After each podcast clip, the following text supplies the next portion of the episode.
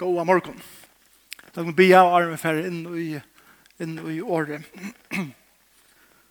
Jesus, takk for at to erst og verer hins hemme.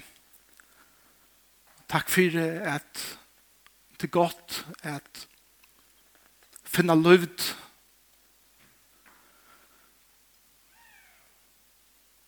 og finna skukka tja der sikna årtutt morgon. Takk deg for det som langt er fer fram i tilbyen og i sanje. Og i bima til vilt, jeg synes jeg mer nå visdom og år, myndeleika og nøye fra her. I Jesus navn. Amen. Jeg er akkurat uh, atterkommen ur uh, Washington DC i Amerika. Her er jeg fremme til retten at uh, være av en altsjåa rastevne her 600 leiere fra 136 i imenske London kommer saman. Og vi uh, vi kjørte og spurningen kvært gjerra vidt til tess at standa oppfyre og standa saman vid okkara brøren og systeren som vera dripen for navn i Østers skuld og tunt og forfyllt kring Atlanheimen. Og en særlig opplevelse var til at det var nekv eh, fra støvun og i heimen om hver forfylking fer fram. Og de var fløyende inn at fortelle okkon tarra søver så skal vi kunne komme heimater til okkara sankummer og okkara nær ungforme at, at luta og at fortelle om tøtningen av at standa saman og standa oppfyre okkara brøver og systrar som, som løya for navn Jesus er skuld. Ein av søvnen som vi hørte var fra en pastor ur Damaskus i Syrien. Og han, han fortalte om at ta i det særlige herja ja, i Aleppo for noen måneder siden, så, så bønner han og ber han en av trovarene i Aleppo å komme til Damaskus, å være til tøyene til at Damaskus var hvordan er sinter synder tryggere å være enn i Aleppo akkurat til tøyene. Og hesten her broren fra Aleppo, han sverer hesten her pastoren fra Damaskus, så er det Han sier, kære bror,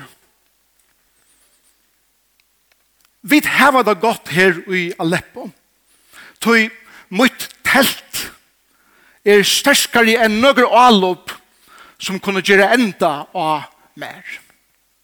Og så siterer han Salm 51, vers 1 og 2, som lever så leis, Tann og sitter og i løvd hins hakstam, og bor i skugga hins alvalda, sier vi herran. Sjálmut, borgmun, godmun, som er løyt ja. Og det her er en sikna, sitt år. Jeg skal ikke ut det jeg kommer til domare iver om det var fornuftet, til hånden av være verand i Aleppo, eller om man burde, for tryggheten av skuld, færre til Damaskus. Det er ikke det som er ikke kommer inn av i det, men hesen salmeren er en innelig sanker. Ein naiv trygg, barnslig trygg, om at lukka mykje kvært og i livenom, lukka mykje omstøver, så er det ein som teker seg av mer. Og det er hin alvalte. Det er hin hakste som gjør det. Hesse salmeren eh, leser i angstene der vi eisne kallar vår salmer tæra foreldraleisum. Så ja, når man leser jøkken salmen, så er det sånne salmer som, som det er som et lite baden som sitter av knæene av, av, pappa sin og mamma sin, og akkurat som hikker opp i egene av, av teimen, og sier, et sikve er tuførst at tega, der er mer alt mitt liv. Men hese bøttene som andre foreldre heva, synes jeg det til sin god i himmelen.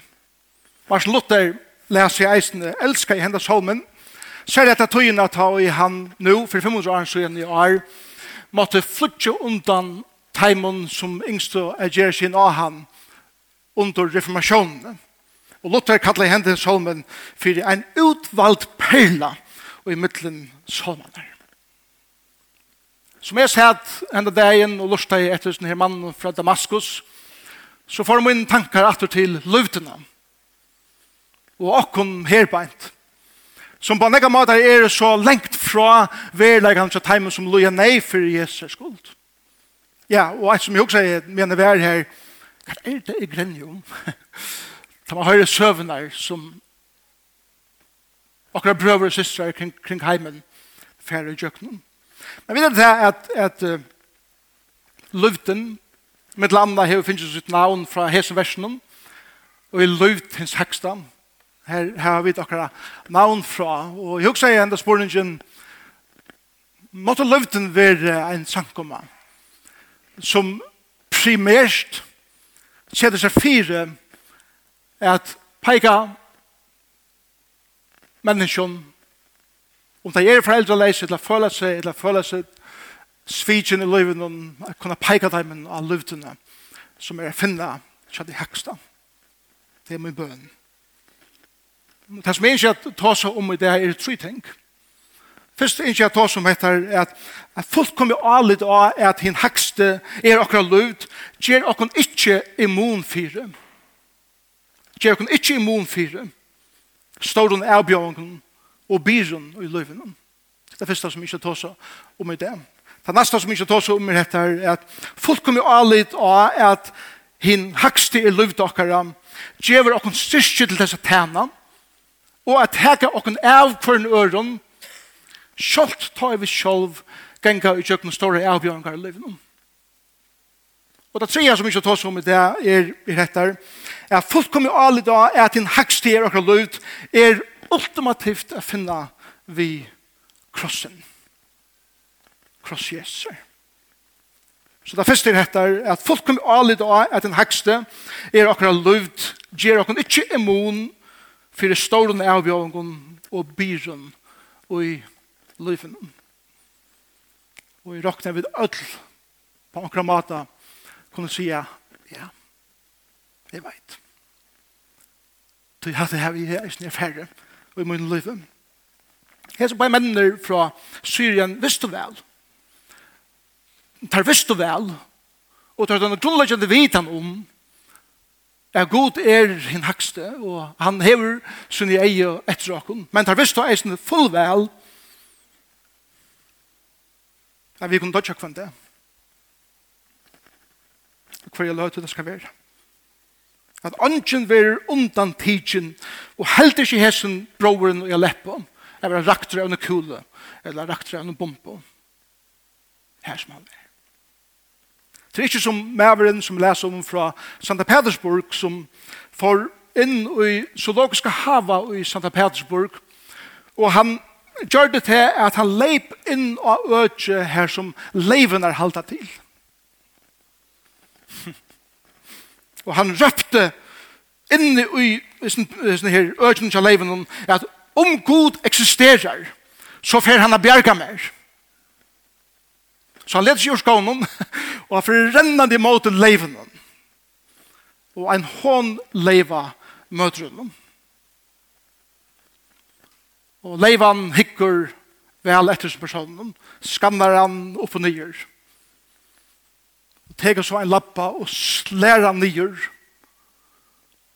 og sluter mønene av vi egnom bite og i nakkan. Solmen er ikke om hattar. Jeg vil ha tapligur og ikke bruka sånne fornuft. God for ikke inn i støver som hattar og bare sier, gjer akkurat som du vilja og før deg akkurat som du vilja, det jeg skal nok være her.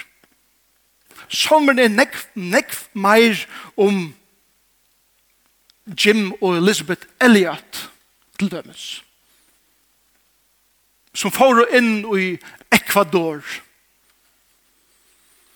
til avkastammene som ångan er hørst navnet Jesus Kristus predika i 1906 og Og fem familier færre inn Og mennene flikva i våre avkastammene og lenda framvigende av at møta indianerne bare møta dem vi svøren og spjåten som tar fink rent i kjøkkenen sin likam. Og Elizabeth Elliot, som mister sin mann vi en liten battene, eller var etter en liten battene, valgte at trykva at god skal eisne bruka hattar til sin er. Og hon var verande i Ecuador. Etter han var heimene tog, for hun datter. Og han er en bok som er skriva om hæsar hendingarna og hver god vær i ötlundasen her eitur nemlig In the Shadow of the Almighty og det er fra Salmi 51 og i skugga og i luft hins hakstad Hette er om meg og te hese sommeren. Han er om ta i vit færa og utjøkken tøyer og i løyven om hva vi føler som om meg god ikke er her meir fire med. Han fyrir han er fire okken som færa sjøkken løyengar i løyven om hva vi er svitsin, hva vi er sard, hva vi er nyer slien på nekka matar. Og korsene er den understreimur, ein, en innara känsla, en, en, en innere uppliving djupt nere i märkenen. Jeg god helter meg opp. Jeg god helter om meg.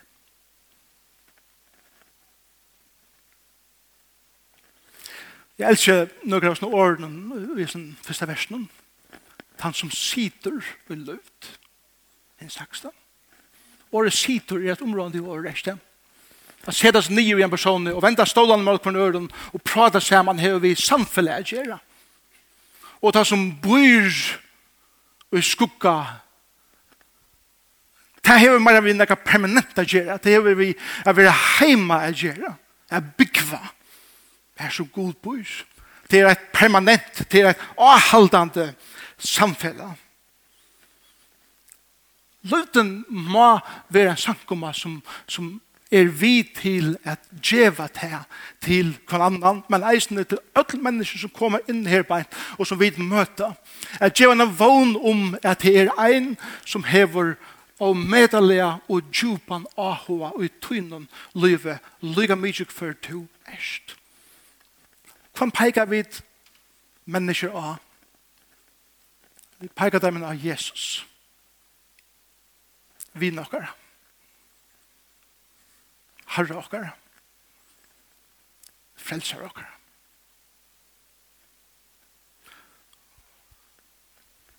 Det som lydjust parallelt til som 91, det som Jesus sier i Mattias 11, og i vers 28-30 sier han, Komme her til moin, ødel til som strevast, og heva tungar byrar er bera.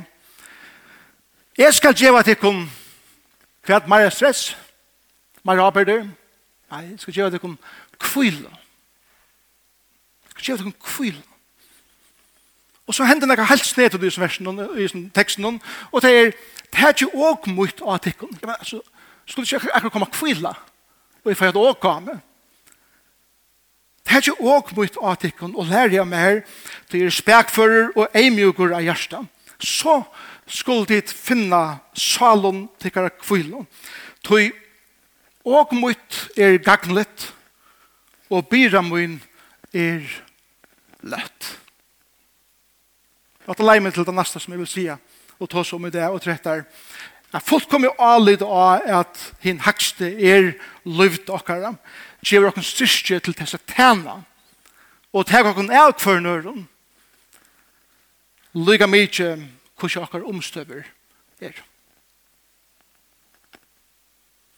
Akkurat arbeid halde jeg som sankoma, min arbeid som en tryggvande, en som kallar meg kristnan, er ikkje at tega struje fra øren, ikkje at bera byrana kjø øren.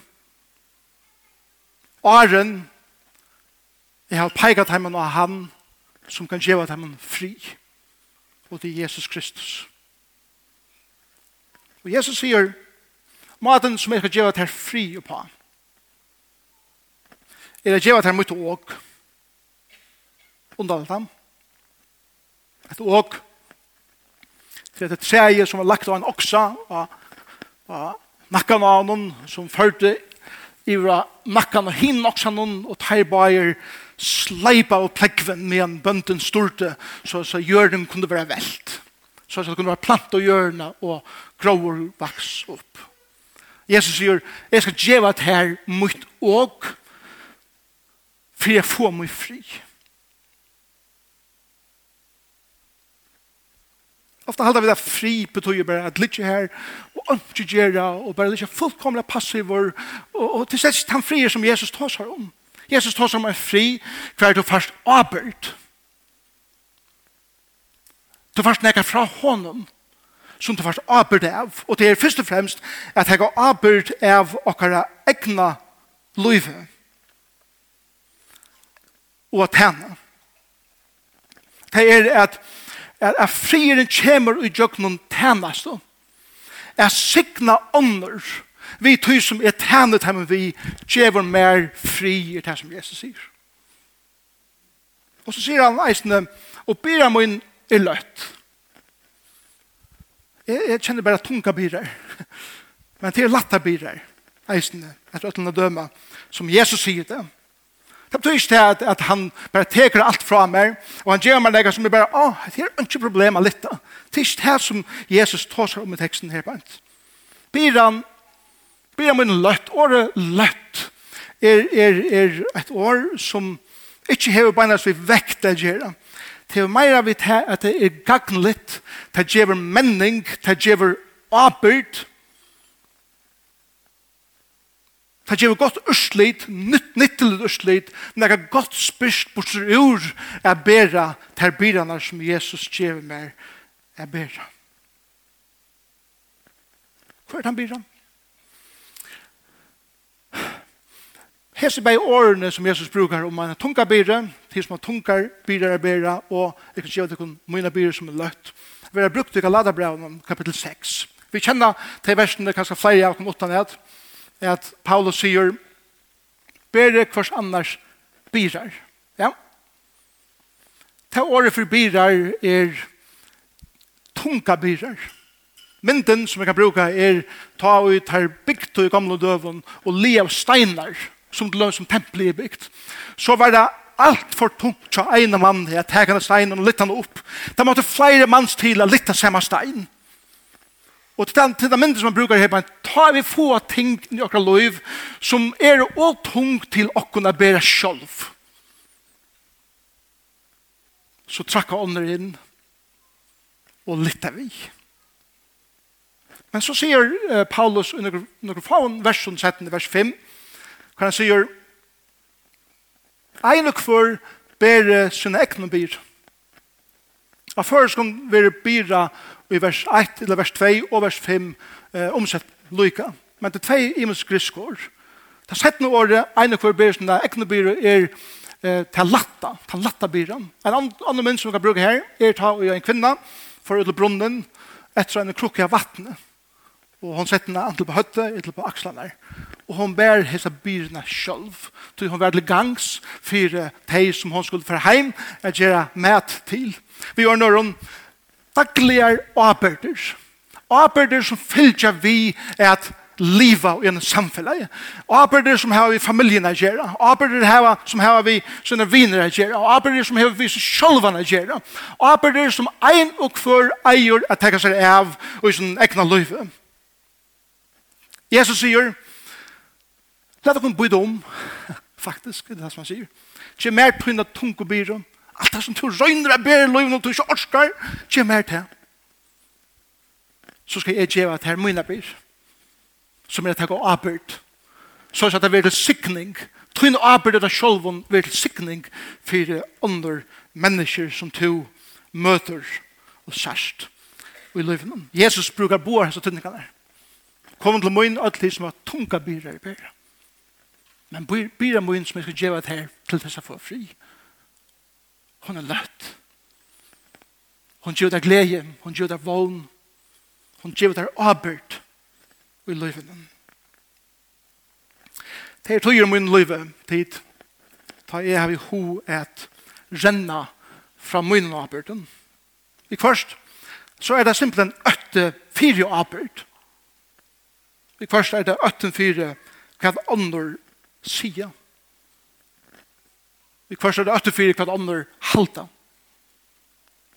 Vi kvørst så er det til at mine dreymar fyrir meg sjolven må brestast flytast og vujtja fyrir dreimon gods fyrir mer. Det er mine krøv fyrir meg sjolven mengan drena meg.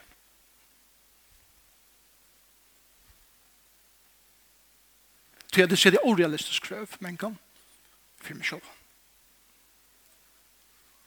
Og slik krøv som man legger av seg selv, som er ens ekne dreimer, drepa passionene for gode først og fremst, men eisne for menneskene, og det enda for seg selv,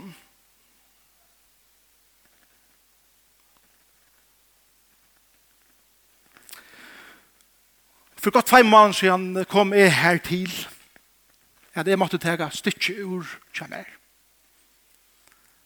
Åren det kom så mye lengt at jeg er ferdig inn i kanskje burnout eller i djupt stress og tunga byrar som ikke er klare av bor. Det var utrolig signa for meg at oppleva at det har vært nøkker som har båret sammen med meg. Som har lusta. Som har stia. Som har oppmuntra. Og i jøkken hest og tøyene. Takk for det. God har eisen brukt hest og tøyene i min liv. Sammen med noen arren. Det er man skuffar. Det Det er at man ikke lever opp til forventning og alt det. Det er ok. Men han har brukt dette til det som minner meg av at ta i han kattler så utvier han eisene. Og ta i vi bruker det som han utvier så signar han. Men så kjøtt som vi regner gjør ting i akkurat egn og styrke så er han ikke signar ut i det er ikke styrke ut i det er ikke myndeleik ut i. og vi må åkken opp og her var det Og her er tykker jeg tid vidtja vi kvørst eisen. Og la meg si det vet ikke som pastor i Jesus samkomne her, at det er ok vi kvørst at jeg kan stykke ur og si at jeg trenger til at vi er sjolvor, sjolv, ensamøtl, ensamøtler og gjerne tøy. Det er annars. For det fører meg ut gjerne tøy for jeg mistet hemmerhalte og gå vidt og kvett så kan være av leingen av tog.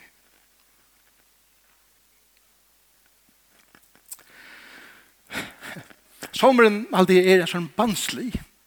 Jeg elsker denne solmen til han som banslig. Da han sier banslig, så mener jeg ikke til han negativt. Så, så, så husker jeg meg til fantastiska, eh, og kritiska, og allite som sommerskrunnen hei av godt minner meg av en, en søve som les om en mann som ikke, han, han klarer seg ikke flikva. Og en dag da han flei, så kom flikvaren i turbulens, og han sitter her, og han helter fast i stålen, og iver av honom sitter en liten smadrangor, en tjejer gammal, og han sitter pura roller ved en tekniserie bok, og, og blir i kjøkkenen, og flikvaren, han fer alle mulige veier, og ta et oss nøkkelen blive eh, sinne stilt atter, så vender seg til drangen og sier, hvordan blir det til at du er så avslapp av å ta i til så nekk turbulens? Og dronjen sverer så leis. Papen min er flåskibar i hessen fikkvaren. Og han veit at jeg er vi i det. Og han får ikke alle det henda mer. Flåskiparen veit at to erst vi av ferien. Og han sier at lyga mykje hva for turbulens er tøyna tøyne løyve bæt nu. Så er jeg vidt her. Fantastisk å oppleva. Da man er i en tøy hva man føler turbulensen og i løyven og å være i hilden. Fantastisk Det er godt at leita til Jesus. Det er godt at sida i løyvd hins haksta og byggva og skugga hins alvalda. Det er godt at hega arbeid fyrir seg sjolvun. Det er godt at tæna øren. Og det er godt at kjenna fri Jesus er i løyvene.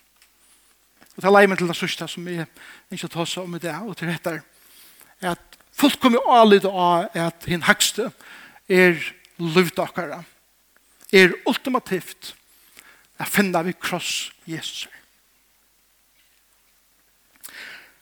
En, en annar bror fra Irak fortalte jeg om en æresøve i eh, og hans stevnene som jeg var av. Og han greide fra at en dag en ta og en læsla og en sankumme sider til læslefond. Koma ISIS kruksmenn inn og i bygningen vi synen maskinbyrsen og tar meia og ødel nyr.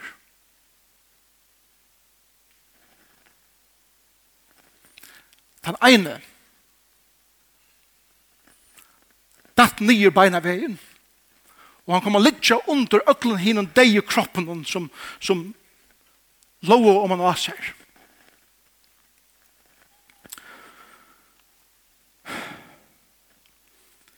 Disse hermennene mennene rundt og vita om jeg har livet til enn. Og som ævren sier at jeg veis ikke ui at min løte har kommet da jeg hørte fotosporen i var en av hessene her hermannen. Genga beint ved meg og nu man, var man tog liu. Men knapp jeg så venda fotosporene og, og alt forsvinner ut av bygningen og her la jeg ensam atler etter. Så samer Maveren ble intervjuet over settene av omkrar eh, Sjårstø og han var spurt etter sporingen eh,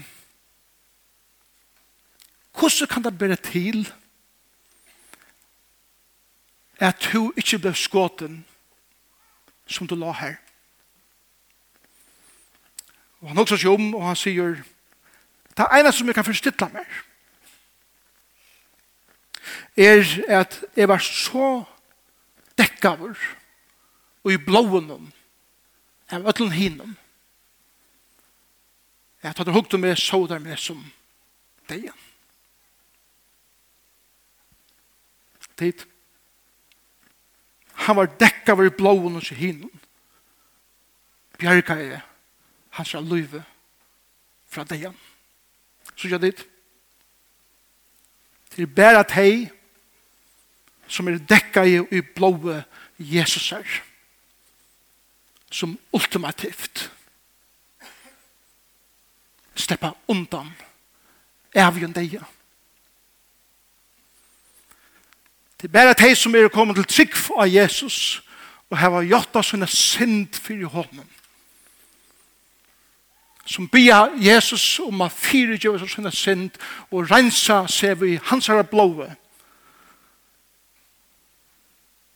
Som ultimativt slipper undan hånden som er kommet at likva og at rena og at drepa.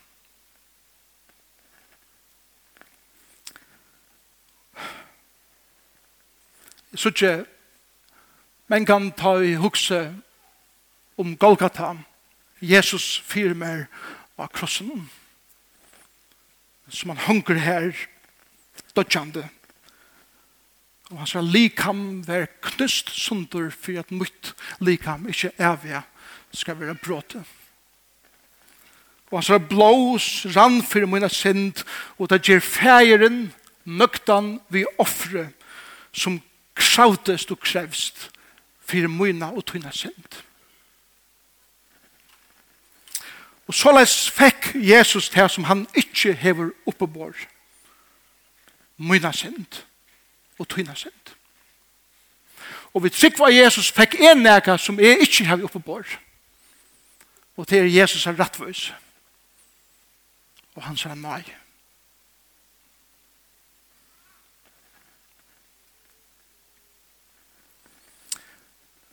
Vi kunne ikke leve og løvd hans haksta. Og byggva i skukk hans alvalda.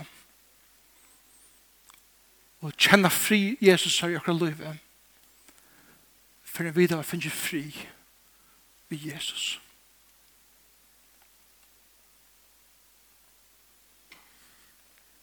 Er du fri ved ham?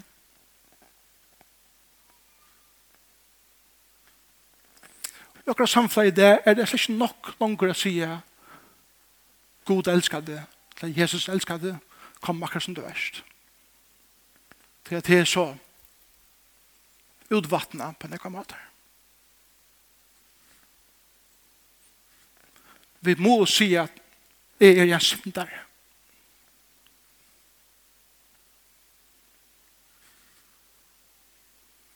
Jeg er en syndare som har vent meg fra gode, og jeg har valgt å genga min egna ved.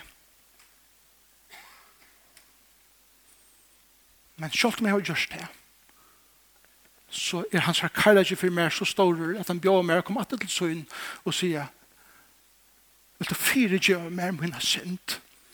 Vil du fire gjøre meg at det røyner livet mitt liv og min egna kraft? Og han sier Ja, det gjør jeg. Og så la oss bør vi Guds bøtt.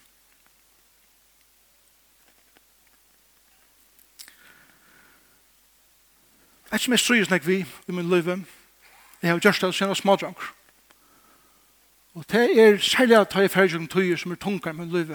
Og det er at jeg ivest ui om god er gåvor vi med jeg, jeg tykker vel sannleggen om er gode gåver. Men er gode med.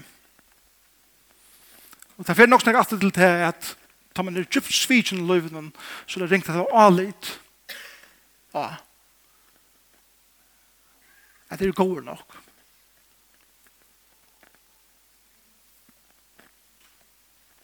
Vet du hva? Jeg har opplevd tjøkken tvær måneder her. Jeg har velja spørstande han i og jeg har velja, jeg har velja strust vi han. Og jeg har lett god vita det. Og i ødlom så blir det vi av veresen her understrømeren og det innere som blir vi halda meg oppe. kjenslan av at ta jeg i hoa flutja, så vil jeg som tidsen bare inn i faunan av gode og helden fast. Det er størst.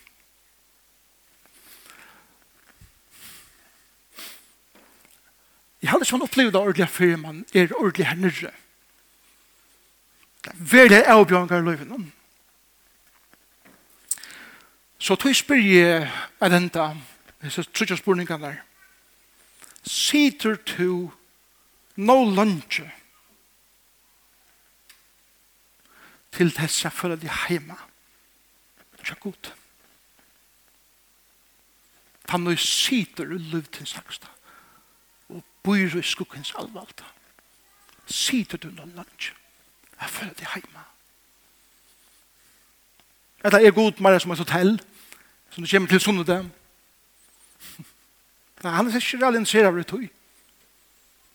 Han er nekk mer interessert av bjøs og heim til så innan byggva. Vera ikke seg, sida og suttbår. Lota sine dreimar. Fyrt her, vit her. Så du kan trakke inn i hans dreimar. Fyrt her. Og er mine fyrt mer. Sida du nå lunchen. Det neste er Jeg tenker å huske om av vår er at Beste maten å kjenne fri Jesus er, er faktisk å være arbeids. Det er faktisk å ta jeg gå av seg og, og trakke ut og tjene øren. Og så gjerne eisene at jeg kjenner at tambiran som jeg skal ha arbeid av i daglig løgnen må være til tess at jeg kan kjenne fri. Det er det som Jesus lærer oss. Så vi eier et tjene. Vi eier at jeg har avbyrd. Så er det har vært gagnlett for okken og for deg som er omgengast i livet. Jeg kallar seg en sikvant som sier at jeg er fri Jesus er min liv. Og det sier jeg rett der, visste du, at hinn hakste og hinn alvald er en personer. Og han er Jesus Kristus som gav sitt liv for dem. Han sitter i løvd sin saksta, og bor i skukka hans alvalda, sier vi herren. Sjålmøyt, borgmøyen, godmøyen, som er løyte. Jeg skulle be sammen. Takk Jesus for at det er godt at oppleva er vera helden.